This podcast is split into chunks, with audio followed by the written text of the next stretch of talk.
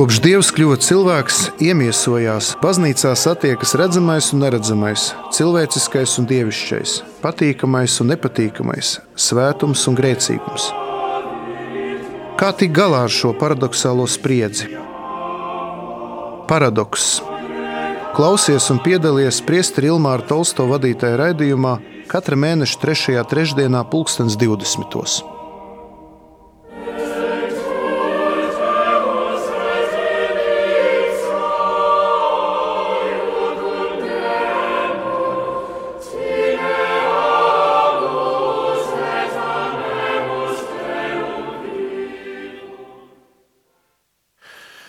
Kristus ir augšām cēlies. Studijā priesteris Ilmārs Tolstovs ar paradoxālo raidījumu paradoks kalpoju Salaspils katoļu draudzē un ar skumjām jāsaka, šis ir pēdējais raidījums astoņu raidījumu sērijā, kurā patiesībā es mēģināju dalīties ar to, ko rakstīju savā doktora disertācijā ar tām pārdomām, jeb tēmām, kuras mēģināju pētīt šo astoņu gadu laikā. Ļoti liels prieks par ikvienu klausītāju, un šodien mēs runāsim par predestināciju, jeb iepriekš nolemtību un brīvo gribu, un mēģināsim atbildēt uz jautājumu, kā tas ir iespējams, ka Dievs visu zin, Dievs ir visu zinošs, visvarošs, bet no otras puses viņš um, nu, ja tā var teikt, nespēja, jeb, nu, Dievs visu spēja, bet viņš vēlas respektēt mūsu gribas brīvību. Un uh, šodien mēs pārunāsim par tādu jautājumu, uh, par ko man ļoti daudz cilvēki zvan un raksta, kā atpazīt Dieva gribu. Ko nozīmē Dieva gribu manā dzīvē? Šie jautājumi ir sarežģīti, bet kā jau mums šis raidījums ir pats pa sevi sarežģīts, paradoxāls raidījums, mēģināsim atrast atbildus to, uh, kā savienot tādu nu, fatālismu, jeb iepriekš nolemtību. Dažreiz cilvēki saka, ka mēs neesam brīvi, ka Dievs mūs ir ieprogrammējis, ka mēs ejam pēc kādas programmas un ka mūsu brīvā izvēle, brīvās gribas izvēle nav nemaz tik uh, skaidri noteikta. No otras puses mēs redzam tomēr, ka Dievs mūs radījis brīvs un ka mēs varam izvēlēties to vai citu lietu vai atbildēt Dievam jā un atbildēt nē, izvēlēties labu un jaunu un tā tālāk. Raidījuma laikā var zvanīt uz studiju. Tālrunas studijā ir 67 969 131, tātad 67 969 131, bet, ja kāds arī kautreiz zvanīt, var arī sūtīt īziņas, un tālrunas ir 266 77 272. Tad atkārtoju tālruna īziņām 266 77 272. Tātad eh, sāksim aplūkot šo problēmu, un eh, tātad tā, tā problēma saucās predestinācija iepriekš nolemtība. Es eh, varbūt netik daudz runāšu par filozofiju, jo neesmu īsti filozofs. Filozofijā tas ir ļoti nopietnas jautājums, un filozofi mēģina atrisināt brīvības jautājumu, vai cilvēks ir brīvs, vai viņš tomēr ir nebrīvs, vai viņš ir uh, ieprogrammēts, ietekmēts, vai tomēr nē. Vispirmām kārtām jau pašā raidījuma sākumā gribu tādu salikt tādus ļoti skaidrus akcentus, kas nozīmē, ka vispirmām kārtām mēs runāsim par e, tātad Dieva gribu, e, Dieva plānu visiem cilvēkiem būt pestītiem.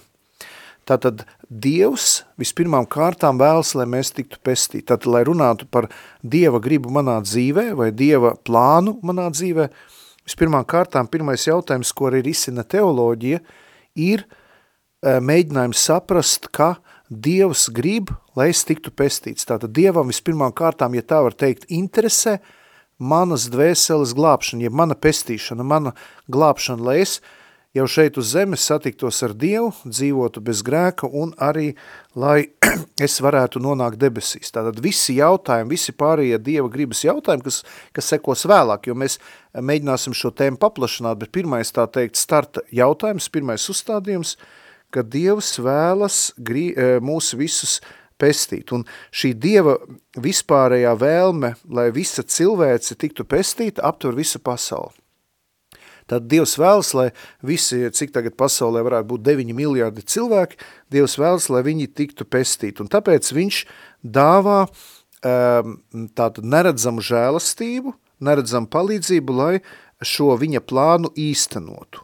Tātad tas šis, šis Dieva pārdabiskais plāns, jeb Dieva pārdabiskā kārtība, ko viņš ir iedibinājis. Mums bija arī iepriekšēja raidījumi par atklāsmi, mēs arī apskatījām pestīšanas plānu, tātad mēs jau redzējām par to, ka Dievs jau radot šo pasauli, radīja viņu labu, protams, ka radīja pasauli ar iespēju, ka cilvēks pateiks Dievam nē. Un te es gribu pateikt, ka šī brīvība cilvēkam pateikt nē Dievam, tika ieinstalēta, iebūvēta jau pašā radības dabā. Tātad Dievs jau sākotnēji radīja Ādamu un Ievu, ielika viņu, viņus paradīzes dārzā un deva viņiem e, iespēju būt brīviem un aizliedz viņiem, protams, ēst no šī laba un ļauna atzīšanas koka, bet viņiem bija iespēja tātad no viņa paņemt. Ja? Ja gadījumā nebūtu šāda, cilvē, šāda iespēja dota, tad cilvēks varētu teikt, ka Dievs viņam piespieda būt labam. Ja, tad Dievs piespieda cilvēkam būt labam. Dievs piespieda mūs mīlēt. Dievs piespieda mums tikt pestīti, būt pestītiem. Bet jau pašos pirmsākumēs mēs atrodam tātad cilvēku, e, lai e, tātad viņš izvēlētos protams, labo, bet cilvēkam bija iespēja izvēlēties ļauno. Un tāpēc sākotnējie tādi uzstādījumi ir tādi, ka Dievs nevienu uh, nepredestinē, jeb nenolēm uz ļaunu. Dievs dod iespēju izvēlēties cilvēkam ļauno, bet viņš pats nevēlas ļaunumu. Tāpēc arī šis ļoti svarīgais, ja tā var teikt, uh, nu, varētu pat teikt, šis te fundamentāli teoloģiskais, jeb nu, tāds teoloģiskais jautājums, no kurienes ceļas ļaunums, ja, teodicēlais jautājums, viņš balstās tajā, kad, ja tā var teikt, Dievs, Dievs nav ļaunums, Dievā nav ļaunums, bet Dievs ir absolūta mīlestība un brīvība, absolūta. Līdz ar to, abs, kur ir absolūta brīvība un mīlestība, tur ir potencialitāte, iespējamība, ka var atbildēt arī pretēji, jo ja tā nebūtu, tas nozīmē, ka mēs esam iepriekš nolēmti, programmēti bez brīvības, jo mīlestība nevar būt tur, kur nav brīvība. Mīlestība iet kopā ar brīvību. Ja es kādu mīlu, man ir jābūt iespēja arī pateikt ne, jo citādāk šī mīlestība nav pilnīga. Ja. Protams, ka debesīs ir pavisam cita lietu kārtība, un debesīs vairs neviens uh, nesaka ne dievam, ne mīlestībai, ne ticībai, jo tur ir absolūti cita lietu kārtība bet jāsaprot to no tāda filozofiski teoloģiskā kārtības, ka Dievs pieļauj ļaunumu, Dievs dod ļaunuma iespējamību, bet pats nevēlas ļaunumu. Aicina mūs uz labo. Ja nebūtu šī ļaunuma iespējamība, ja nebūtu iespējamība pateikt ne, tad mēs nevarētu runāt par brīvību un mīlestību. Tas ļoti svarīgi, ja. Tātad ir vienmēr iespēja pateikt ne, un tas mūsu jā vārdam dod pavisam citu vērtību. Mūsu jā ir balstīts tajā, ka mēs jebkurā brīdī varam pateikt arī nē. Tāpēc mūsu jā ir vērtīgs, jo to mēs izvēlamies brīvībā. Neviens mūs nepiespiež mīlēt, neviens mūs nepiespiež ticēt, neviens mūs nepiespiež iet šo ceļu eh, labā, skaistā, tikumīgā ceļu, to mēs izvēlamies brīvībā. Tātad otrais postulāts, ko es uzsvēru, ka Dievs vēlas eh, pestīt visus cilvēkus un nav izredzēto grupa. Nav tā, ka Dievs tikai dažus vēlētos pestīt. Dievs patiešām grib lai visi cilvēki būtu glābti. Trešais eh, eh, postulāts Kristus nomira priekš visiem cilvēkiem, nevis tikai priekš kādas izredzēto grupas. Un, protams, kā nākamais postulāts ceturtais eksistē žēlastība, kas ir Dieva dāvana, kas palīdz mums izvēlēties labo. Žēlastība nenozīmē, ka mēs tiekam ietekmēti, ja piespiesti. Žēlastība ir nepelnīta Dieva dāvana, kas, jā, tā varētu teikt, ir smalkjūtīga, toleranta, un darbojas mūsos tikai tad, kad mēs atļaujam šai žēlstībai mūsos darboties. Bez mūsu atļaujas, bez mūsu piekrišanas, šī žēlstība darboties nevar. Tāpēc ļoti svarīgi, piemēram, bieži atjaunot kristības svētsolījumus. Kāpēc mēs lieldienu naktī atjaunojam kristības svētsolījumus? Jo Dievam ir svarīga mūsu atbilde. Bez mūsu piekrišanas Dievs mūsu dzīvē neko nevar darīt. Mums viņam ir nemitīgi jādzird šis mūsu jāvārds. Līdzīgi kā laulātiem, piemēram, sievas grib dzirdēt no vīra bieži, ka viņš saka, ka viņš viņu mīl. Vīrs domā, nu es vienreiz laulībās pateicu visu, ko man tur vairāk atkārtot. Ja? Bet ir svarīgi šie nemitīgie mīlestības apliecinājumi, un arī Dievs no mums vēlas sadzirdēt šo atļauju. Dievs, es tev atļauju ienākt manā dzīvē. Es ļauju tev darboties, jo Dievs absolūti respektē mūsu brīvību. Viņš neko mūsu dzīvē nedara piespiedu kārtā, viņš mums neko neuzspiež, viņš vēlas sagaidīt šo mūsu atbildi. Piektais postulāts, tātad grēciniekiem ir dāvāta pestīšanas žēlastība, pat tie, kas ir sagrēkojuši vai atkāpušies no labā un aizgājuši ļaunā ceļu, viņiem vienmēr ir aicinājums atgriezties. Dievs nav viņus nolādējis. Dievs nav viņus nosodījis, kamēr viens cilvēks dzīvo šeit uz zemes. Pēc nāves ir elle, no kuras nav izejas. Elle vairs nav brīvība. Elle ir dvēseles stāvoklis, kur cilvēks jau ir pieņēmis lēmumu neatgriezeniski iet pazušanas ceļu. No šķīstītavas ir izeja, šķ, mēs lūdzamies par dvēselēm šķīstītavā, viņas ir iespējams izlūgt un arī viņu ciešana laiks agrāk vēlāk beidzas bet ellē tā tad ir eh, beidzās brīvība. Bet šeit uz zemes mēs vienmēr varam atgriezties. Nav tādi grēki, kurus Dievs nevarētu piedot, nav tāda stāvokļa, no kura mēs nevarētu tikt izvesti. Tā ir milzīga cerība. Ja? Tā ir Dieva žēlsirdība. Dievs katru no mums mīl, Dievs katru no mums vēlas glābt, lai cik mēs būtu uh, dzimu, dziļi krituši, Dievs vēlas mūs izglābt. Un sestais postulāts, jeb sestais tātad princips ir uh, Dievs pieļauj, ka mēs eh, atsakamies no žēlastības, bet viņš pats nav šīs atteikšanās cēlonis. Tātad Dievs brīvi pieņem to, ka mēs pasakam nē žēlastībai. Mēs sakam nē, Dievs es tev negribu, un Dievs neizraisa šo mūsu negatīvo reakciju. Tas nāk no mums, jo Dievs vēlas, lai mēs viņu mīlētu, lai mēs viņu ticētu, bet vēlreiz saku, šī brīvība ir ļoti svarīga. Es domāju, tagad mēs esam nopelnījuši, atkal nopelnījuši. Tā arī varbūt ir žēlastība, Eh, piedzīvot eh, tagad eh, muzikālu pauzi, lai mazliet pārdomātu par šiem sešiem postulātiem, ko tikko dzirdējām, un arī varbūt šajā dziesmā arī pateiktos Dievam par šo brīnišķīgo brīvības dāvanu, ko viņš mums ir devis.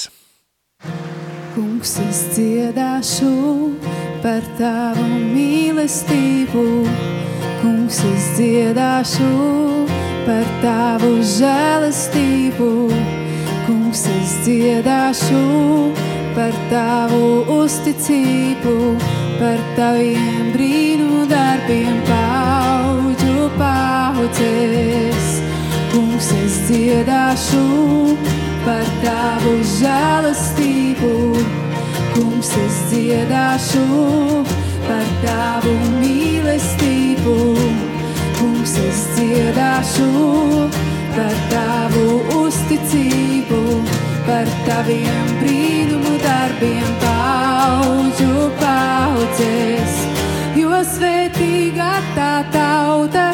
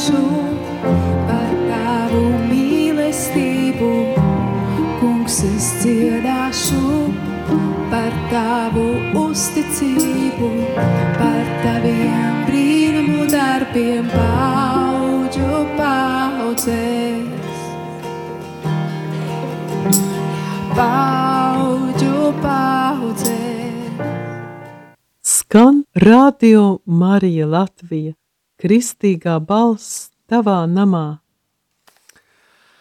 Jā, skan Radio Marija Latvija, dārgie klausītāji, studijā priesteris Ilmārs Tolstovs, Salaspils katoja draudzes prāves un paradoxāls cilvēks, paradoxālā raidījumā šodien runājam par gribas brīvību, predestināciju, iepriekš nolemtību, ļoti sarežģīts te, tāds temats, bet nu mēs nevaram par to nerunāt, tad par to ir jārunā.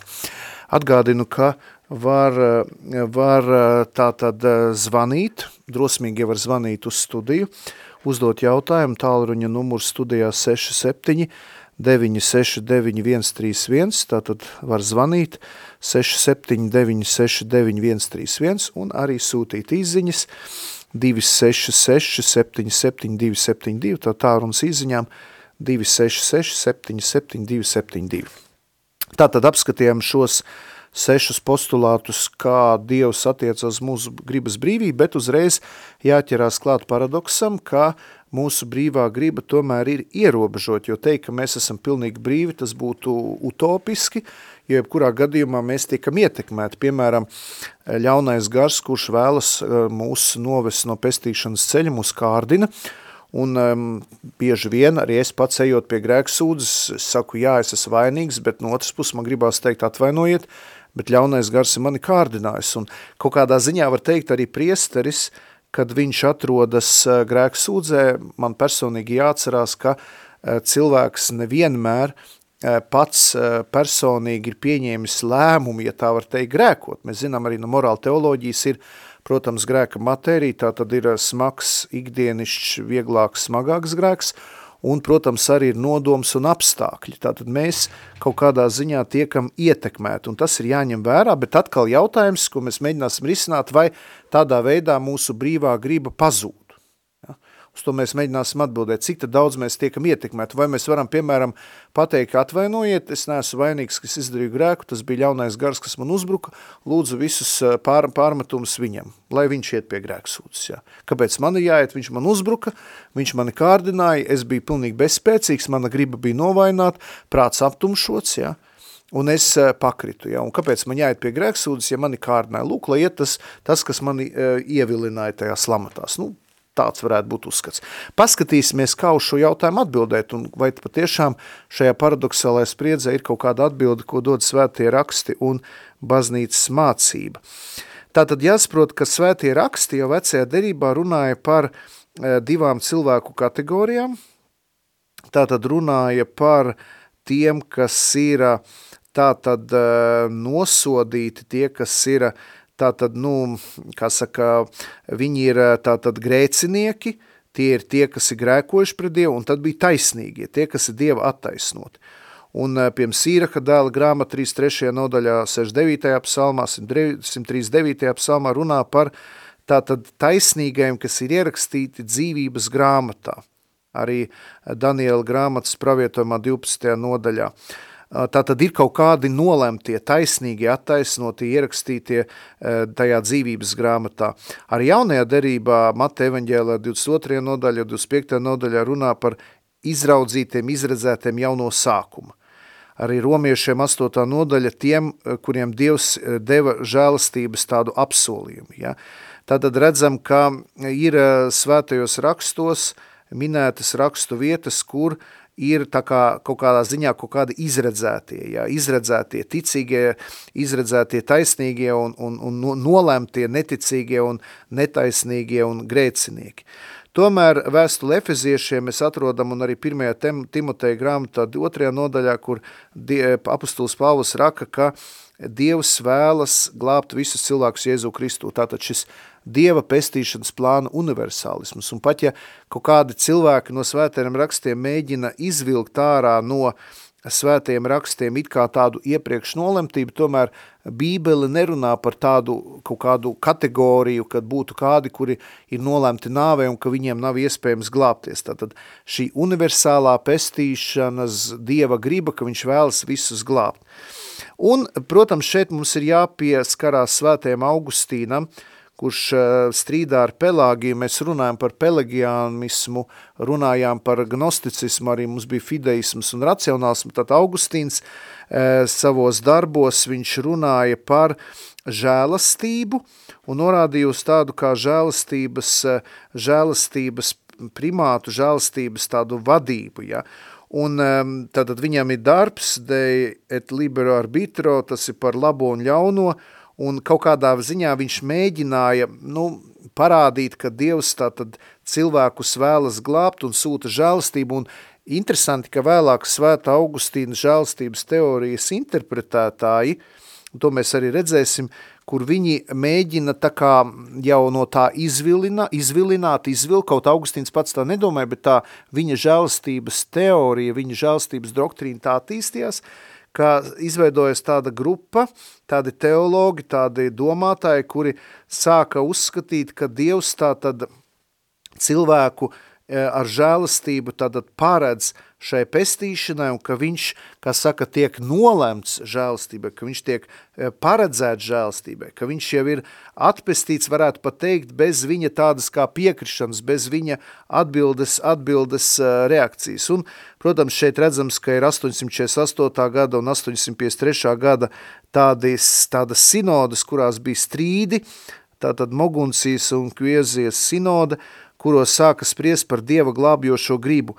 Un vai, piemēram, Dievs, Dieva griba arī ir tanī, ka cilvēks atsakās no Dieva un ka viņš viņu vēlas, vēlas tātad atstāt, vai tas arī ir Dieva plānā. Tad sākās pārdomas diskusijas, vai Dievs arī to vēlas, vai viņš, kāpēc viņš to pieļauj, ka viņš tā kā paredz jau labos un ļaunos darbus, un vai cilvēka izvēle patiešām ir tik brīva, vai nav tā, ka viņš tiek tā kā nosodīts, ka viņš tiek jau tā zem grēka nolikts un ka viņš vairs pats nevar izvēlēties, ka visu nosaka, visu nosaka uh, dieva, dieva žēlastība. Svētais Akvīns Toms arī ienes ļoti lielu devumu šajā, šajos jautājumos, tomēr skaidrojot, ka tātad cilvēks paliek brīvs, ka viņš var izdarīt šo te izvēlu. Tātad Dievs apvēlto cilvēku žēlstību, protams, ka viņu nu, tā kā paredz uz labo, bet ne, nekādā ziņā ne, neietekmē viņa brīvo gribu. Dievs vēlas, lai mēs būtu labi, bet viņš būs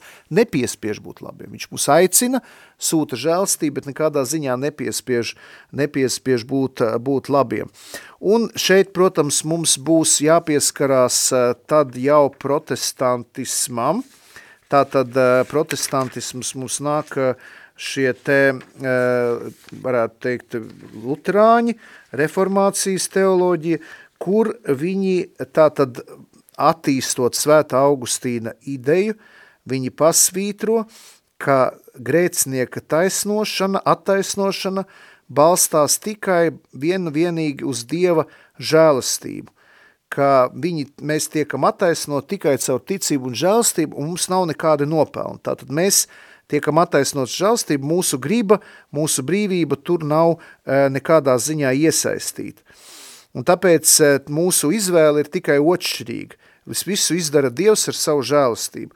Un šo te, šo te tātad luterāņu, tātad to protestantu domu ļoti tātad, nu, kā saka, apstrīdēja Erasmus no Rotterdamas, kurš tomēr norādīja, ka, lai cilvēks iegūtu pestīšanu, ir vajadzīga viņa brīvā izvēle, ka nevar būt tā, ka mēs tiekam pestīti bez mūsu ziņas, bez mūsu brīvības, jo tad zūd atbildība.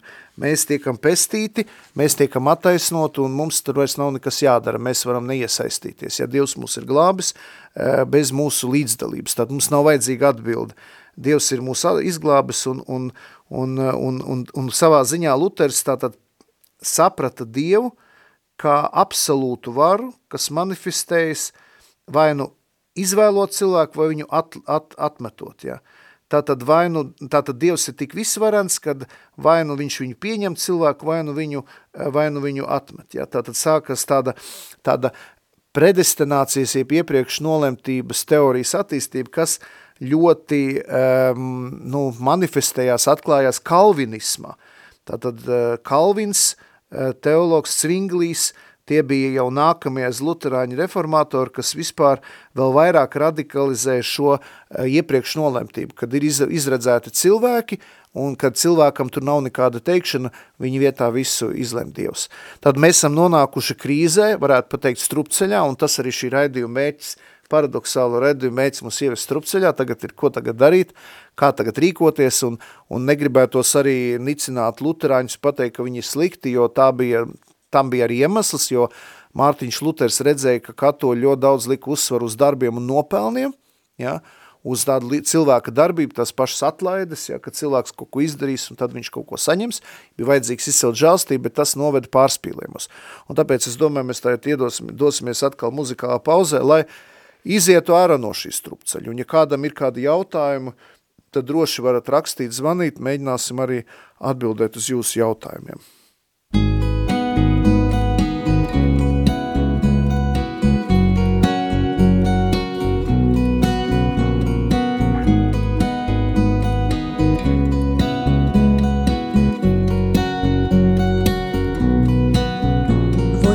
Divējis sejas, vai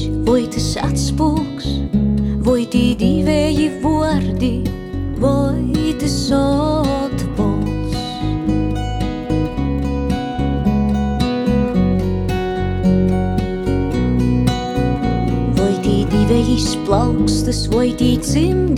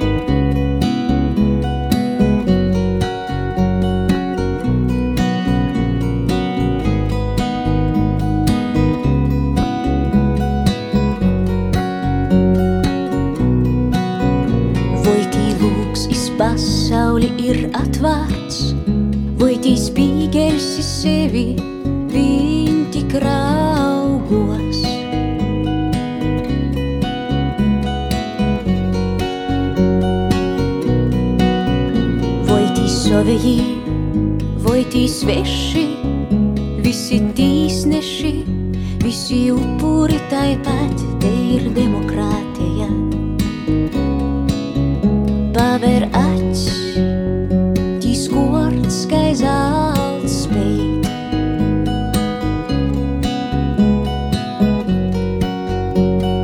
Kas būs tava mārauklā? Kas būs tava mārauklā? Kaut pēc pamatiem tu traks, rūkos paliks vien lopstais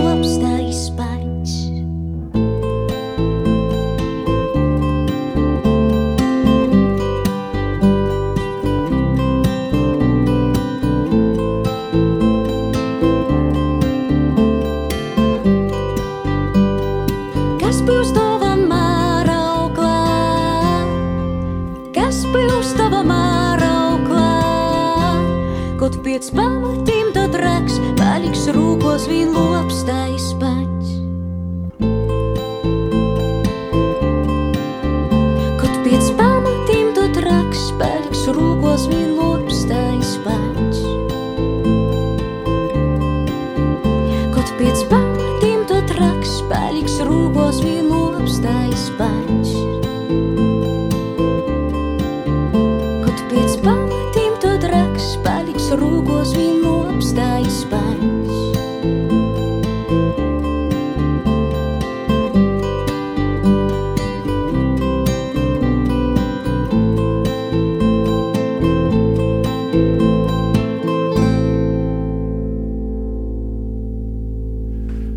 Radio Marija Latvija. Jā, esam atkal atgriezušies studijā. Priesteris Ilmārs Tolstovs, ā, raidījums Paradoks, un mēs esam sagaidījuši arī kādu zvanītāju. Klausamies, Kristus ir augšām cēlis. patiesi augšām cēlies. Priesteri Ilmār, jūs gribējāt vienu drosmīgu, nu te viens drosmīgais piesakās. Man tāds jautājums ir, šodien no rīta bija tāda diskusija nu, nu, no Amerikas, es tā īsti nesapratu, vai neko viņš pārstāv, ja? bet uh, tur tikko jūs runājat par to no Amerikas puses, vai ne? Un tur tieši konkrēti vienu brīdi viņš nosauc, ka esat tāda kategorija tagad, kas, teiksim, viņiem kaut kā citādāk jāmāk pasniegt. Ja viņiem ne, kaut kā nepasniedz, tad viņi ejot prom no baznīcas. Un kad esat vēl viena kategorija, kad uh, visas ticības cilvēku uztver kā vienu. Nu, teiksim, luterāņi, katoļi un plus vēl dienvidu tautu cilvēkiem, kuras ir daudz. Pat man ir jautājums, kā tas var būt? Paldies par jautājumu. Jā, nu es diemžēl ne, nedzirdēju to, kas tur tika runāts, bet eh, jāsaprot to, ka, un par to mēs arī varbūt arī parunāsim šī raidījuma beigās, ka e, mums jau ir tā, ka mēs esot ticīgi, mēs mēģinām nolasīt Dieva gribu, jeb saprast, ko Dievs vēlas mūsu dzīvē, bet mēs jau redzam, kamēr esam šajā pasaulē, esam grēka skarti, um, kārdinām apņemt un arī gan sabiedrībā, gan baznīcā, gan mūsu personīgā dzīvē mēs piedzīvam dažādas drāmas. Līdz ar to ir skaidrs, ka nav tik viegli šo Dieva gribu pildīt un īstenot. Tāpēc jau ir tas paradoks, ka mēs mēģinām visu savu dzīvi tā kā nolasīt, saprast. Bet tieši par pašas Dieva gribas atpazīšanu es parunāšu raidījumu beigās. Es vēlos arī eh, tā kā atgriezties drusku atpakaļ tajā tajā uh, atgriezties tajā laikā, kad valdīja, kad valdīja um, la, nu, valdīja tātad uh, protestantis reformācija, un uh, tad uh, redzam, kad sanāca Tridents konsils, kurš vēlreiz no jauna, jauna apliecināja, ka Kristus ir nomiris par visiem cilvēkiem, un ka uh, bez speciālas atklāsmes nevar atpazīt Dieva uh, ceļu pie pestīšanas. Un, protams, kā arī Tridentes koncils norādīja to, ka nav kādi īpaši izvēlēti cilvēki, kuri būtu iepriekš nolēmti tātad pestīšanai, bet no otras puses arī atbildēja to, ka ir vajadzīga Dieva atklāsme. Protams, ka vēlāk laika gaitā tas jautājums tika turpināts diskutēts, jo ir, ir jautājums par to, vai tiks pestīti arī citu konfesiju eh, kristiešu un arī citu reliģiju un tā tālāk. Un mēs redzam, ka Vatikāna otrais koncils parāda, ka Dievs vēlas glābt visus cilvēkus, un tie veidi, kā viņš glāb šos cilvēkus, ļoti, ļoti dažādi. Bet jebkurā gadījumā eh, šis te, šis te jautājums attiecībā uz uh, uz eh, Dieva gribu un viņa nodomu mūsu brīvību turpinājās tālāk uz priekšu. Vēlāk jau 18. gadsimtā eh, svēto rakstu, svēto rakstu pētījumu rezultātā eh, radās tādas atkal diskusijas par to, vai tomēr svētie raksti nerunā par šo iepriekš nolemtību, tātad predestināciju un beigu beigās Jau mūsdienās arī mēs redzam, ka gan katoliskās baznīcas katehizms, gan Vatikāna otrais koncils joprojām atkārto šo seno baznīcas mācību, ka tātad cilvēks paliek brīvs savā izvēlē, protams, ka žēlastība ir tā, kas viņu mudina uz atgriešanos, un, protams, ka mēs tiekam attaisnoti ticībā. Tur skaidrs, tur jāpiekrīt arī uh, protestantiem, ka uh, taisnošana, mūsu glābšana notiek ne mūsu nopelndēļ, tās ir Kristus asinis, kas tika izlietas, un mēs tiekam attaisnoti uh, ticībā uz Jēzu Kristu, tātad Dieva žēlastība ir tā, kas mūs ved pie sevis, bet šī Dieva žēlastība – nav tāda, kuru mums piespiež ticēt. Mums ir jādod ticības pilna atbilde brīvībā. Tātad, jā, Dievs mūs ir pestījis, viņš mūs ir glābs, glābs, viņš vēlas, lai mēs tiktu izglābti, bet no otras puses tātad Dievs uh, atstāja mūsu brīvībā, un tāpēc šeit ļoti svarīgi pasvītrot, ka no vienas puses ir Dieva tātad vēlme mūs glābt, bet no otras puses ir vajadzīga mūsu atbildi. Ja mēs uh, neatzīstam, ka, nu, kad ir vajadzīga atbildi, tad mēs ieejam šajā iepriekš nolemtībā. Tātad katoliskā ticība māca, ka ir šie divi aspekti. Viens ir Dievs, kurš mūs atpestīs uh, ne pēc mūsu nopelniem, mēs tikām pestīti Eh, viņa žēlstībā, tad Kristus izlēja savas asins, nomira par krustu un augšām cēlās, viņš ir eh, dāvājis mums šo iespēju tik glābtiem, eh, un ticībā mēs tiekam glābti, bet šī ticība pieprasa mūsu atbildi. Ticība nav automātiska, ticība nav pati no sevis. Ticība pieprasa mūsu līdzdarbību, mūsu atbildi, ja? un tā ir mūsu brīvība pateikt jā šim Dieva pestīšanas plānam vai nē. Ja mēs pasakam nē Dieva pestīšanas plānam, tas nenozīmē, ka mēs būtu nosodīti jeb nolemti. Ja? Tad mums ir šī izvēle līdz pat mūža beigām, eh, un, be, un arī pēc nāves Dievs mums vēl dod šķīstītavas iespēju, lai eh, dotu iespēju vēl no jauna tātad piedzīvot šo atgriešanos. Mums šeit ir arī uh, kādi jautājumi, vai Marijai bija brīvā griba izdarīt grēku, ņemot vērā bezvainīgo ieņemšanu. Jā, Marija ir pirmām kārtām nu, bezvainīgi ieņemšana, tas nozīmē, ka viņa tika ieņemta tātad Annas miesās bez grēka, tātad viņai jau Annas, tātad viņas mātes miesās atrodoties, viņa tika atbrīvota no iedzimtā grēka, viņa nevarēja būt grēka skarta, viņa nevienu grēku nav izdarījusi, tātad viņa ir vissvētākā un no vissvētākajām mūžam jaunava, bet viņai bija iespēja uh, izdarīt grēku, kuru viņa ne, neizmantoja. Tātad Marija nebija, tā sakot, nu, piespiesta piekrist, tāpēc arī mēs ļoti sve, daudz teoloģijā uzsveram šo Marijas fiat. Viņa nebija piespiesta atbildēt eņģeli, viņa varēja pateikt, nē, eņģeli Gabriela, sorry, piedod, es negribu būt par pestītāju mātu, es negribu, liec man mieru, neuzbāzies, kur tu man te nāc, eņģeli Gabriela, Es, es, es negribu, es gribu ģimeni, es gribu daudz bērnus ar Jāzepu. Ko tu tagad dari?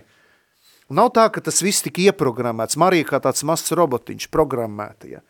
Viņa visu savu dzīvi brīvi atbildēja Dievam, jā, bet tā kā viņa bija apveltīta ar īpašam žēlstībām, kas nekādā ziņā neizslēdza viņas brīvo gribu, viņa neizdarīja nevienu grēku, viņa bija absolūti svēta, pateicoties Dieva pārdabiskai žēlstībai, kas nenozīmē, ka viņa tika programmēta, piespiesta, kaut kādā veidā slāpēta viņas brīvība tā tālāk. Un lūk, tas ir šis Dieva lielais noslēpums. Nākamais jautājums, vai ļaunais gars teorētiski varētu piedzīvot atgriešanos? Nē, nē un vēl vienreiz nē. Ne, e, ne, tad, ne teorētiski, ne praktiski. Ļaunais gars, tā tad atgādinu katoliskās baznīcas uh, Eh, eh, nā, tad, tad atgādinu, atgādinu tā tad šo te katehētisko patiesību, ka tā tad šie eņģeļi, kas tika radīti, viņiem bija iespēja vienu reizi izdarīt savu izvēlu. Un tie eņģeļi, kas izdarīja izvēlu pretoties Dievam, viņi ir krituši eņģeļi, tātad sātans, dēmoni, velni, velns tātad, kuri ar saviem, ar saviem dēmoniem kuri vienreiz pateica ne, un viņiem nav iespējama atgriešanās. Tātad eņģeļu ļaunā gara atgriešanās nav iespējama, jo tās ir neatgriezeniskas izvēles. Un tad vēl ir šeit jautājums, kas parādās, vai Marija tika kārdināta. Es domāju, ka jā, līdzīgi kā Jēzus tika kārdināts, mēs visi tiekam kārdināti, jo Marija nav Dievs, viņa ir cilvēks, un es domāju, ka viņa tika kārdināta, tikai viņa nepiekrita šiem, šiem te uh, Eh, šiem te kārdinājumiem. Es domāju, ka tagad mēs atkal varam doties muzikālā pauzē, ja vēl kādi jautājumi droši sūtiet, rakstiet, zvaniet, un tad uh, noslēguma fāzē mēs pārunāsim par to, kā, kā tad atpazīt Dieva gribu savā ikdienā, savā dzīvē. zīmogus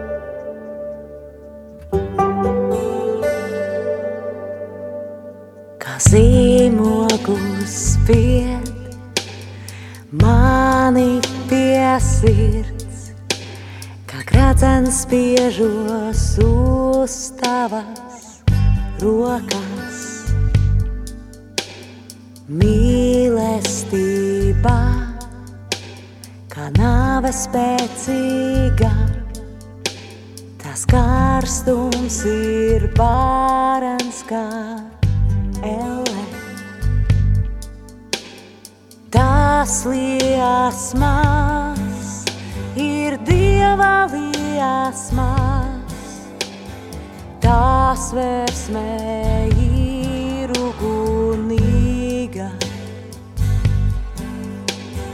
Tikami būt tavā pānā, mīlestība kā karoks ir pa mani. Pali nespēj dzēst mīlestību, nedz arī straumes to noslīcina. Lai arī viss, ko ceļam, resā grūs, tā vienīgā elpos un dzīvos. Ved tur, kur visā iesākums, kur mīlestība pacietīga kur visu panestā uzticībā cer uz visu un panes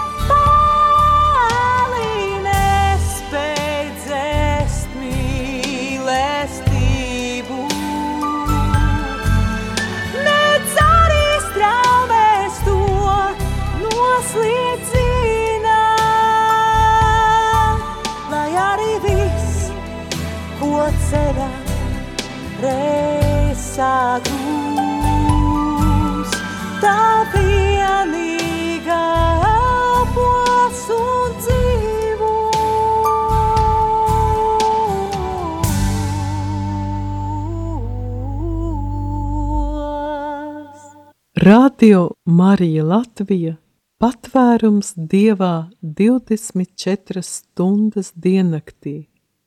Jā, rādījumā arī Latvija, patvērums Dievā arī Salaspilī, var apliecināt, ka Salaspils klausās čakla rādījumā arī atbalsta un tur rīkšķus un patiešām sveiciens ar visiem Salaspiliešiem. Un Visiem, kas ir mūsu draudzē, atgādinu, ka studijā priesteris Ilmārs Tolstovs un raidījums Paradoks šodien runājam par gribas brīvību un mūsu ierobežotību, vai cik tālu mēs esam ierobežoti un cik tālu mūsu brīvība. Ir ļoti interesants, raidīju, ļoti interesants jautājums, tātad Kristus ir augšām cēlies, paldies par raidījumu, vai varētu teikt, ka ikviena mūsu izvēle vai nu tuvina Dievam vai attālu no viņa, vai brīvība nav radījusi to situāciju, kas ir šobrīd. Karš pārmērības dabas stihijas, Paldies par jūsu devumu, proti cilvēki pārāk attālinājušies no Dieva. Jā, tas, ka Dievs mums deva šo brīvību, tā ir milzīga uzdrīkstēšanās no Dieva, un tas ir milzīgs risks. Tātad, jo mīlestība, vēlreiz atkārtoju, pieprasa brīvību.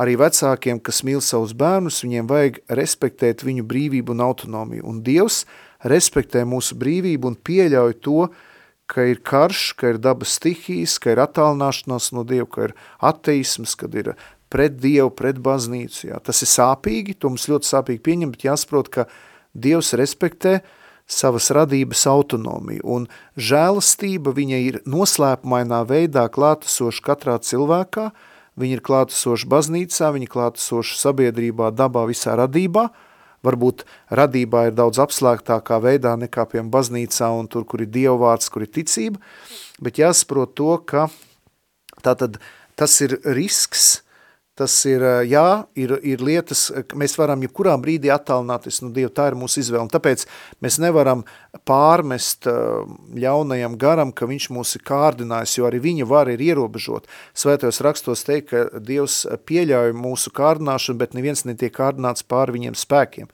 Tātad arī mūsu kārdināšana ir, ja tā var teikt, Dieva regulēta, viņš neļauj e, mūs kārdināt pāri mūsu spēkiem, sūtīt pārbaudījumus pāri mūsu spēkiem. Tātad, jā, mūsu brīvība tiek e, savā ziņā kaut kur ietekmēta, bet jebkurā gadījumā pie lēmumu e, pieņemt, ticēt Dievam vai nē, tas ir mūsu brīvprātīgs lēmums. To var ietekmēt, ļaunais mums var mēģināt atrunāt no tā, un, bet Dievs ar savu žēlstību mūs atkal mudina vērsties pie viņa. Ja? Tā kā šeit ir ļoti interesanti, kā satiekās Dieva žēlstība un mūsu daba, ja mūsu persona, kur var atsaukties šo žēlstību vai nē. Un noslēgumā vēlos arī pieskarties tam jautājumam, ka man cilvēki saka, vai ir Dieva griba, piemēram, nu, nopirkt kādu automašīnu, vai, piemēram, ir Dieva griba rīt iet uz skolu vai nē vai ir Dieva griba, piemēram, pirkt šo grāmatu vai nē.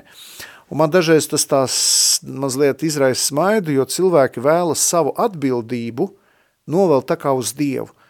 Tātad eh, tas arī izriet no varbūt pārlieku lielas Dieva žēlastības lomas pārspīlēšanas ar to, ka ir uzskats, ka es esmu pilnīgi pasīvs, es neko nevaru, jo visu dara Dievs, viss ir tikai no viņa, un man atliek tikai visu laiku kā tādam piet pie tāda guru un prasīt, Dievs, ko man darīt, ko man darīt, pirkt to, nepirkt, darīt tā, nedarīt tā, kāda ir Dieva, Dieva, kāda ir Dieva griba? Nu, Dieva griba ir tāda, lai es kļūtu svēts, lai es tiektu pestīts.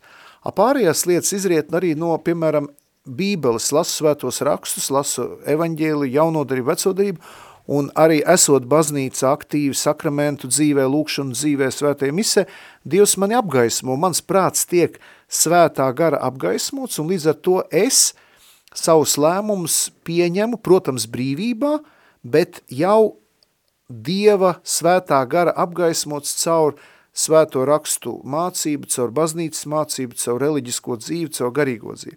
Līdz ar to es pats pieņemu lēmumus, un Dieva griba ir tāda, kādu es to, eh, kā saka, pieņemu, kādu es to izdzīvo, balstoties uz, uz svētā gara apgaismotu prātu, respektīvi, Dievs ir tas, kurš ar žēlstību mani apgaismo. Protams, es visu laiku izsaku savu piekrišanu, lai žēlstība mani ienāktu man apgaismo, tātad es esmu ļāvis Dievam ienākt manā sirdī, tāds svētais gars ieplūst manī, žēlstība mani pārņem.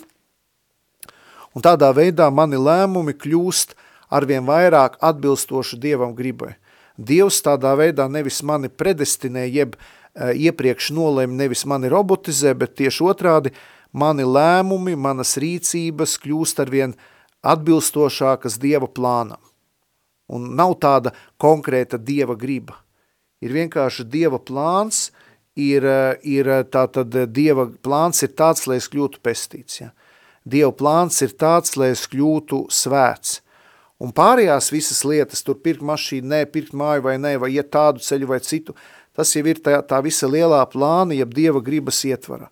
Un tas ir ļoti svarīgi. Un nevajadzētu visu laiku Dievam uzvelt atbildību tajās jomās, kur mums pašiem ir jāpieņem lēmums. Tāpēc ir ļoti svarīgi lūgt, lai Dievs apgai mūsu, mūsu prātu. Un bieži lasot bībeli, jauno veco darību, iepazīstoties baznīcas mācību, ja, iepazīstoties ar, ar, ar svēto dzīvēm, dzīvojot uh, sakramentālu dzīvi, katru svētdienu ejot uz baznīcu, lūdzoties, mana personība tiek Dieva svētā gara apgaismot. Tas nenozīmē, ka es nekļūdīšos. Tas nenozīmē, ka es neizdarīšu eh, kādu nepareizu izvēli. Es noteikti izdarīšu, kļūdīšos. Bet nevajag baidīties arī kļūdīties. Nevajag baidīties aiziet nepareizu ceļu. Arī tā ir Dieva griba. Dievs arī manas kļūdas var vērst par labu. Dievs arī manas kļūdas var pārvērst svētībā. Ja? Tā kā ļoti svarīgi, lai es eh, nebaidītos iet šo te, šo te dieva ceļu, ja? lai es nebaidītos iet šo, šo pestīšanas ceļu. Ja? Tā kā te ir ļoti būtiski tas aspekts, ka Dievs mani vada arī caur manām kļūdām, un tie, kas visu laiku baidās pieņemt kādu lēmumu, tikai baidoties, vai tā ir Dieva grība. Nu, pieņem lēmumu, un pat, ja līdzīgi kā navigācija, ja, ja es aiziešu kādā neceļā, kaut kur novirzīšos, Dievs man tāpat aizvedīs atpakaļ. Tātad tas, kurš visu laiku baidās pieņemt lēmumu, domājot, kā Dievu grib, lasam svētos rakstus, ejam uz baznīcu, lūdzamies, Dievs mūs apgaismos. Ja. Un pat ja mēs ne, nejūtam šo apgaismu, pat ja mēs kaut kādā veidā nesaprotam, rīkojamies, nebaidamies kļūdīties. Arī pāvis Francis saka, man patīk baznīca, kura drosmīgi speļus, spēr soļus uz priekšu un kļūdās, nekā tā, kas mīņājas uz vietas, baidoties kļūdīties. Mēs tik ļoti baidamies kļūdīties, ka mēs visu dzīvi varam sēdēt uz vietas, domāt, kāda ir Dieva Dieva, kāda ir, iet man uz semināru vai nē. Nu, ja kāds puisis, piemēram, vecāks pa 18 gadiem, šovakar klausās un domā, kāda ir Dieva griba, iet uz semināru vai nē. Nu, tā kā aizēj uz semināru, pasties, tu redzēsi, nevienu ar varu vēl nav piespieduši kļūt par priesteri. Ja? Vai, piemēram, kāds eh, puisis vai meitene draudzējas ilgāk un nevar saprast laulāties vai ne. Labi, es nesaku, ka vajag steigties, ir vajadzīgs būt apdomīgam un nevajag sasteigt tādus ļoti svarīgus dzīves lēmumus. Bet ja jau pāris raudzējies piecus vai desmit gadus, man ir pazīstami tādi, Un viņi saka, nevar saprast, kāda ir Dieva griba. Mēs desmit gadus lau, dzīvo, nu, kā saka, draudzējamies. Ja? Ir tādi arī, kur nedzīvo kopā, kuri dzīvo šķīstībā pirms laulības, ievēro visas baznīcas likumus, noteikumus un cenšas izdzīvot šo laiku kā īpašu laiku. Bet desmit gadus draudzējas un, un iet katru svētdienu uz baznīcu, pieņem svēto komuniju. Kāda ir Dieva griba? Kāda ir Dieva griba? Bet desmit gadu draudziņi pagājuši. Kad jūs laulāsieties, kad jūs bērnus dzemdināsiet un dzīvosiet tālāk dzīvi. Ja? Tā kā es domāju, te nevajadzētu sasteigt, ja? bet no otras puses sēdēt uh, uz vietas un kaut ko gaidīt, kāda ir Dieva griba. Nu, pieņem lēmumu. Jā, tas nenozīmē, ka mēs nekļūdīsimies. Tas nenozīmē, ka mums, ka mums uh, nebūs kādas kļūdas. Nu, es arī visu laiku kļūdos. Ja? Bet es zinu, ka Dievs manas kļūdas vērš par labu. Viņš pēc tam viņas eh, es nožēloju, es atzīstu savu kļūdu, nu tas viss tiek vērsts pa labu, jo Dievs ir visu kļūdu izlabotājs, Dievs ir visu lietu atjaunotājs. Un visur tur, kur mēs cilvēciski esam nokļūdījušies, kur esam kaut ko nepareizi izdarījuši, Dievs to vērš pa labu. Un tāda ir Dieva griba, lai mēs kļūtu svēti, lai mēs tiktu pestīti, lai mēs tiktu glābti. Un viss pārējais ierakstās šajā lielajā Dieva glābjošajā plānā. Vai cik skaisti. Paldies arī visiem par jautājumiem, kas bija tie brīnišķīgi. Mūsu raidījums jau lēnītiņām tuvojas izskaņai. Es tiešām vēlos pateikties uh, visiem klausītājiem par šo astoņu raidījumu ciklu. Uh, tas bija kaut kas ļoti skaists, tas nebija viegli, jo nācās dalīties savas disertācijas tēmām. Uh, paradoks, tas spriedze, ne viss līdz galam kļuva skaidrs, varbūt daudziem uh, pēc šiem raidījumiem bija vairāk jautājumu nekā atbilžu, tas arī ir normāli. Es nedodu gatavas atbildes, mēģinu ieskicēt problemātiku, varbūt arī raidījumos es kādas herēzes pasaku, kādus maldus, piedodiet, saprotiet, es arī neesmu perfekts, es arī tikai mācos un īstenībā jau vairāk mācos, jo vairāk saprotu, cik eh, daudz ko nesaprot.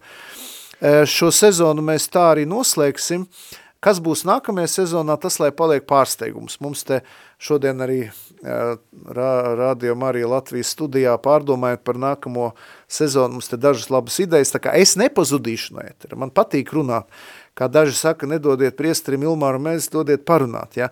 Man īstenībā runāt un runāt, tas varētu te sēdēt un runāt no rīta līdz vakaram, bet noteikti, ka es būšu kādā kontekstā, kādā formā to, to mēs vēl redzēsim, mums priekšā ir vasara, bet patiešām novēlu ikvienam klausītājiem, ja braucat garām Slalaspilī, nepabraucat garām. Salaspils ir skaista pilsēta, mums ir botāniskais dārs un arī jau tagad ielūdzu nākamos sestdien 28. maijā, mums ir baznīcas nakts, ir pilsētas svētki, brīnišķīgs koncerts 18. arī svētā misi 12. Uh, iebrauciet Salaspilī, mums visu dienu baznīca ir vaļā, var jebkurā laikā ienākt, palūkties, nolikt svecīti, uh, mēs esam atvērti, mums duris turam vaļā, Un, uh, ko es gribu arī teikt, lasiet svētos rakstus lasiet katoliskās baznīcas katehizmu, lasiet uh, teoloģisku literatūru, svēto dzīves aprakstus, stājieties rarzī, stājieties seminārā, stājieties klosteros, dibiniet ģimenes, vienkārši dzīvosim, dzīvosim, uh, Un uh, nav vērts sēdēt rokas klēpī, salikušiem un vaimanāt, vai, vai, mums nav tas, mums nav tas, mums ir ļoti daudz. Dievs mūsu labā ir izdarījis visu, viņš ir nomiris pie krusta augšām cēlies, atsūtījis svēto garu, nodibinājis baznīcu, nodibinājis Radio Marija Latvija, ir uzbūvējis Salaspilī skaistu baznīcu un tā tālāk un tā projām. Un ja viņš ir tik daudz izdarījis jau līdz šim, viņš arī mūsu dzīvē darbojies, darbojas un darbosies. Un tā ir Dieva griba, pildīt viņa plānu, pildīt to, ko viņš mums ir uzticējis. Lai visiem ir svētīgs šis laiks un noslēgumā palūksimies brīnišķīgo antifonu debesu karalien līksmojies. Dieva tēva un dēla un svētā gara vārdā. Amen. Debesis karaliene līksmojies, alleluja, tas, ko tu kā bērnu nesi, alleluja, augšām cēlies ir kā teicis, alleluja, lūdz Dievu par mums, alleluja, Priecējas un līksmojas jaunā Marija, aleluja, jo kungs ir patiesi augšām cēlies, aleluja. Kristus ir augšām cēlies, patiesi augšām cēlies. Dieva tēva un dēla un svētā gara vārdā. Amen.